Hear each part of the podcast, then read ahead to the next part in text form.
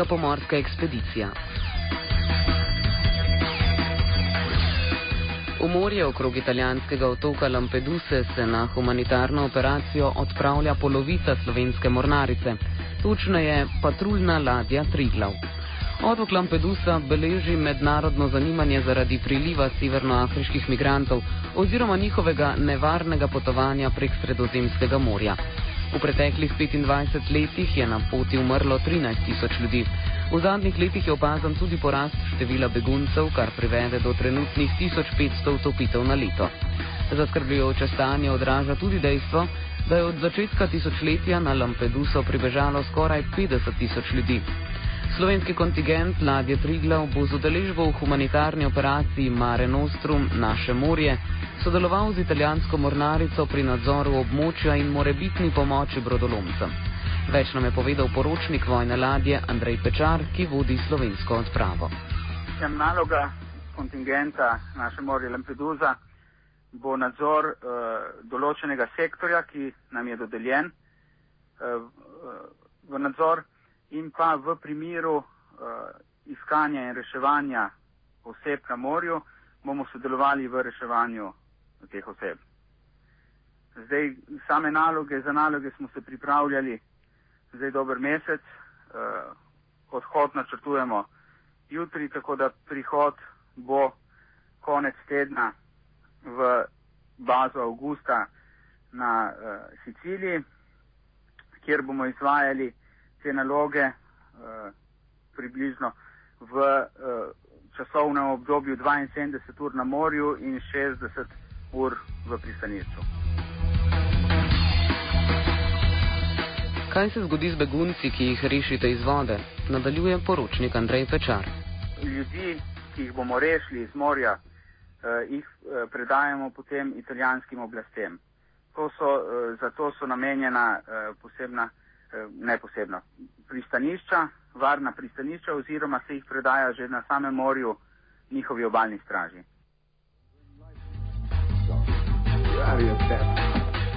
Za mnenje smo povprašali tudi Petro Roter, profesorico mednarodnih odnosov na Fakulteti za družbene vede. Sodelovanje Slovenije ocenjuje kot splošno pozitivno.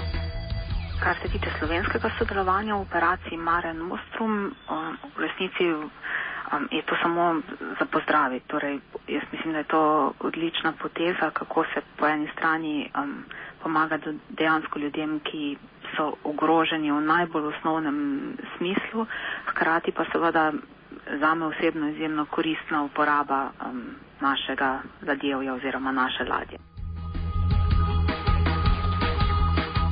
Nadalje smo povprašali po umestitvi migracij v kontekst Evropske unije.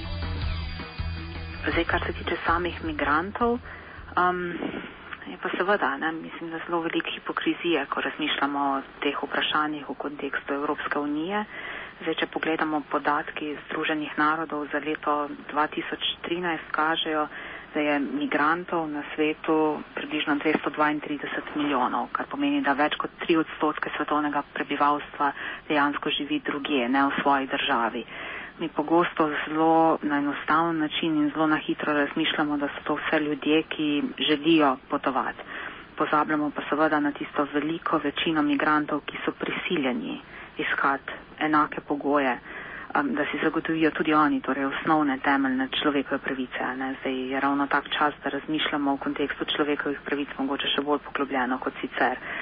Zdaj Evropska unija, Evropa kot taka ostaja prva najbolj popularna destinacija za migracije. Približno 72 milijonov migrantov se ocenjuje je prišlo v Evropo oziroma je migriralo v Evropo, ne, kar je kar precejšen delež. Druga najbolj popularna regija je Azija. Zdaj seveda, ne, um, v času konjunkture, ko je delovnih mest dovolj, um, so določene stvari glede vključevanja migrantov ali pa sploh um, zagotavljanja nekih temeljnih osnovnih dobrin migrantov ostale potisnjene pod preprogo. Danes, a neko sicer, se srečujemo s krutimi vrčevalnimi ukrepi, s pomankanjem delovnih mest, so pa te stvari še toliko bolj odkrite. Um, zdaj, Um, pozabljamo seveda na razloge ne, za te migracije, pozabljamo na ekonomske, gospodarske razlike, na razlike med bogatimi in revnimi, ki se povečujejo. Povečujejo se to tako na ravni mednarodne skupnosti, kot na ravni posameznih držav, ne, tudi teh držav, ki gredo skozi krute vrčevalne ukrepe, kjer bogatejši postajajo, bogati postajajo še bogatejši, revni postajajo še revnejši. In torej, pogosto, ko razmišljamo o migrantih, seveda razmišljamo um, skozi neke, bi rekla, mogoče strukturne ukrepe ali pa kolektiviziramo ta problem na nas in njih ne, in oni pridejo k nam in oni naj se prilagajajo. V bistvu pa pozabljamo ne samo ne, strukturne razloge, ampak tudi hkrati na nek način potrebo po pomlajevanju točno teh družb, v katere prihajajo migranti. Ne. In v tem kontekstu se mi zdi mogoče pomembno dodati podatek, da je približno tri četrtine migrantov, migrantov, ki so um, v, delovni, v delovni dobi, ne? torej ljudje, ki so um, stari toliko, da so sposobni, torej so delovno aktivni. Ne? In ravno Evropa je tista regija, ki se najhitreje stara. Ne? In v razvitem svetu bo do leta 2050 po projekcijah Združenih narodov trikrat več starejših od 60 let, kot jih je bilo leta 1950, kar pomeni, da mi dejansko se bomo srečevali z ukrepom ali pa s situacijo, ki je ne želimo danes naslavljati. Ne? In potem seveda v luči vseh teh vrčevalnih ukrepov je zelo enostavno pokazati prst na tistega, ki je drugačen, ki drugače izgleda, ki ima drugačno veroizpoved, ki ima drugačno etnično identiteto ne? in ki je kriv za to, da ogroža nas. Petra Rotor je obrazložila tudi možne kritike operacij, kot je Mare Nostrum. No, pri vsaki stvari um, je pač lahko najdeš neko kritiko. Ne? In seveda, um, svetovno gospodarstvo ali pa sploh mednarodna skupnost funkcionira na način, ki je verjetno potreben ali pa ki je zagotovo potreben nekih temeljitih sprememb. In zdaj zame osebno, ne, če gledam z vidika perspektive človekovih pravic, um, je dobro in nujno imeti akcije, kot so Mare Nostrum, da se vsaj um, na tisti najbolj nujni točki pomaga ljudem ne? in da se na nek način tudi poskuša um, izkoreniniti um, tiste, ki sodelujejo v, v trgovini z ljudmi, ker gre za kriminalna dejanja, ne samo za um, odsotnost kakršne koli um, humanitarne note ali pa neke, recimo bi rekla, kaj pa vem, člo, človeške plati tega procesa. Ne. In ja, se, seveda, absolutno se strinjam z vami, da je potrebno nasloviti vzroke, ne. ampak v, v mestnem obdobju mislim, da je prav, da se naslavlja tudi posledice, ne. da ne bi torej v kontekstu kaj pa vem, recimo nekih dolgoročnih ukrepov, ki so potrebni za to, da se naslovi posledica umesa, ne se nam zgodile človeške katastrofe, kakršne, kakršne so se dejansko zgodile ne, na Lampeduzi in ne tako dolgo nazaj. Zdaj, mogoče v tem kontekstu ne je pametno omeniti še pozive po um, ratifikaciji mednarodne konvencije o pravicah migrantov in članov njihovih družin. Ta konvencija je stopila v veljavo končno, ne bila je sprejeta konvencija Združenih narodov leta 1990, v veljavo je stopila leta 2003 in če pogledate seznam držav, ki so ratificirale to konvencijo, boste presenečeno ali pa ne presenečeno ugotovili, da ni prav nobene države med najrazvitejšimi državami Evropske unije med njimi. In to govori samo zase. Konvencija pa prinaša niz zelo osnovnih temeljnih človekovih pravic za seveda migrante in člane njihovih družin.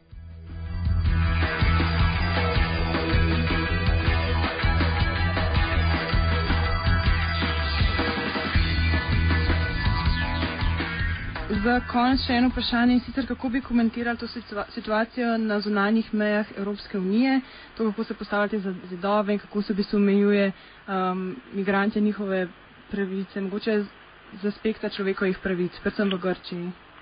A lahko samo z eno besedo, katastrofa. In katastrofa ne samo odziv um, torej Evropske unije in držav, na katerih mejah, katerih meje so pač najbolj izpostavljene, ampak odziv celotne Evropske unije. Ne?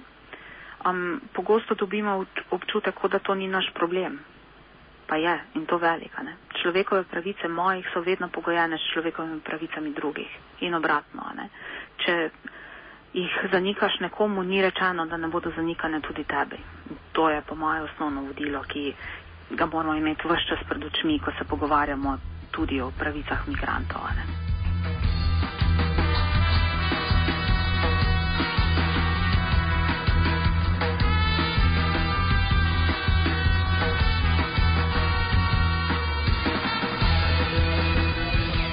Offside sta pripravila vajenka Zala Turšič in Anže Kožuh.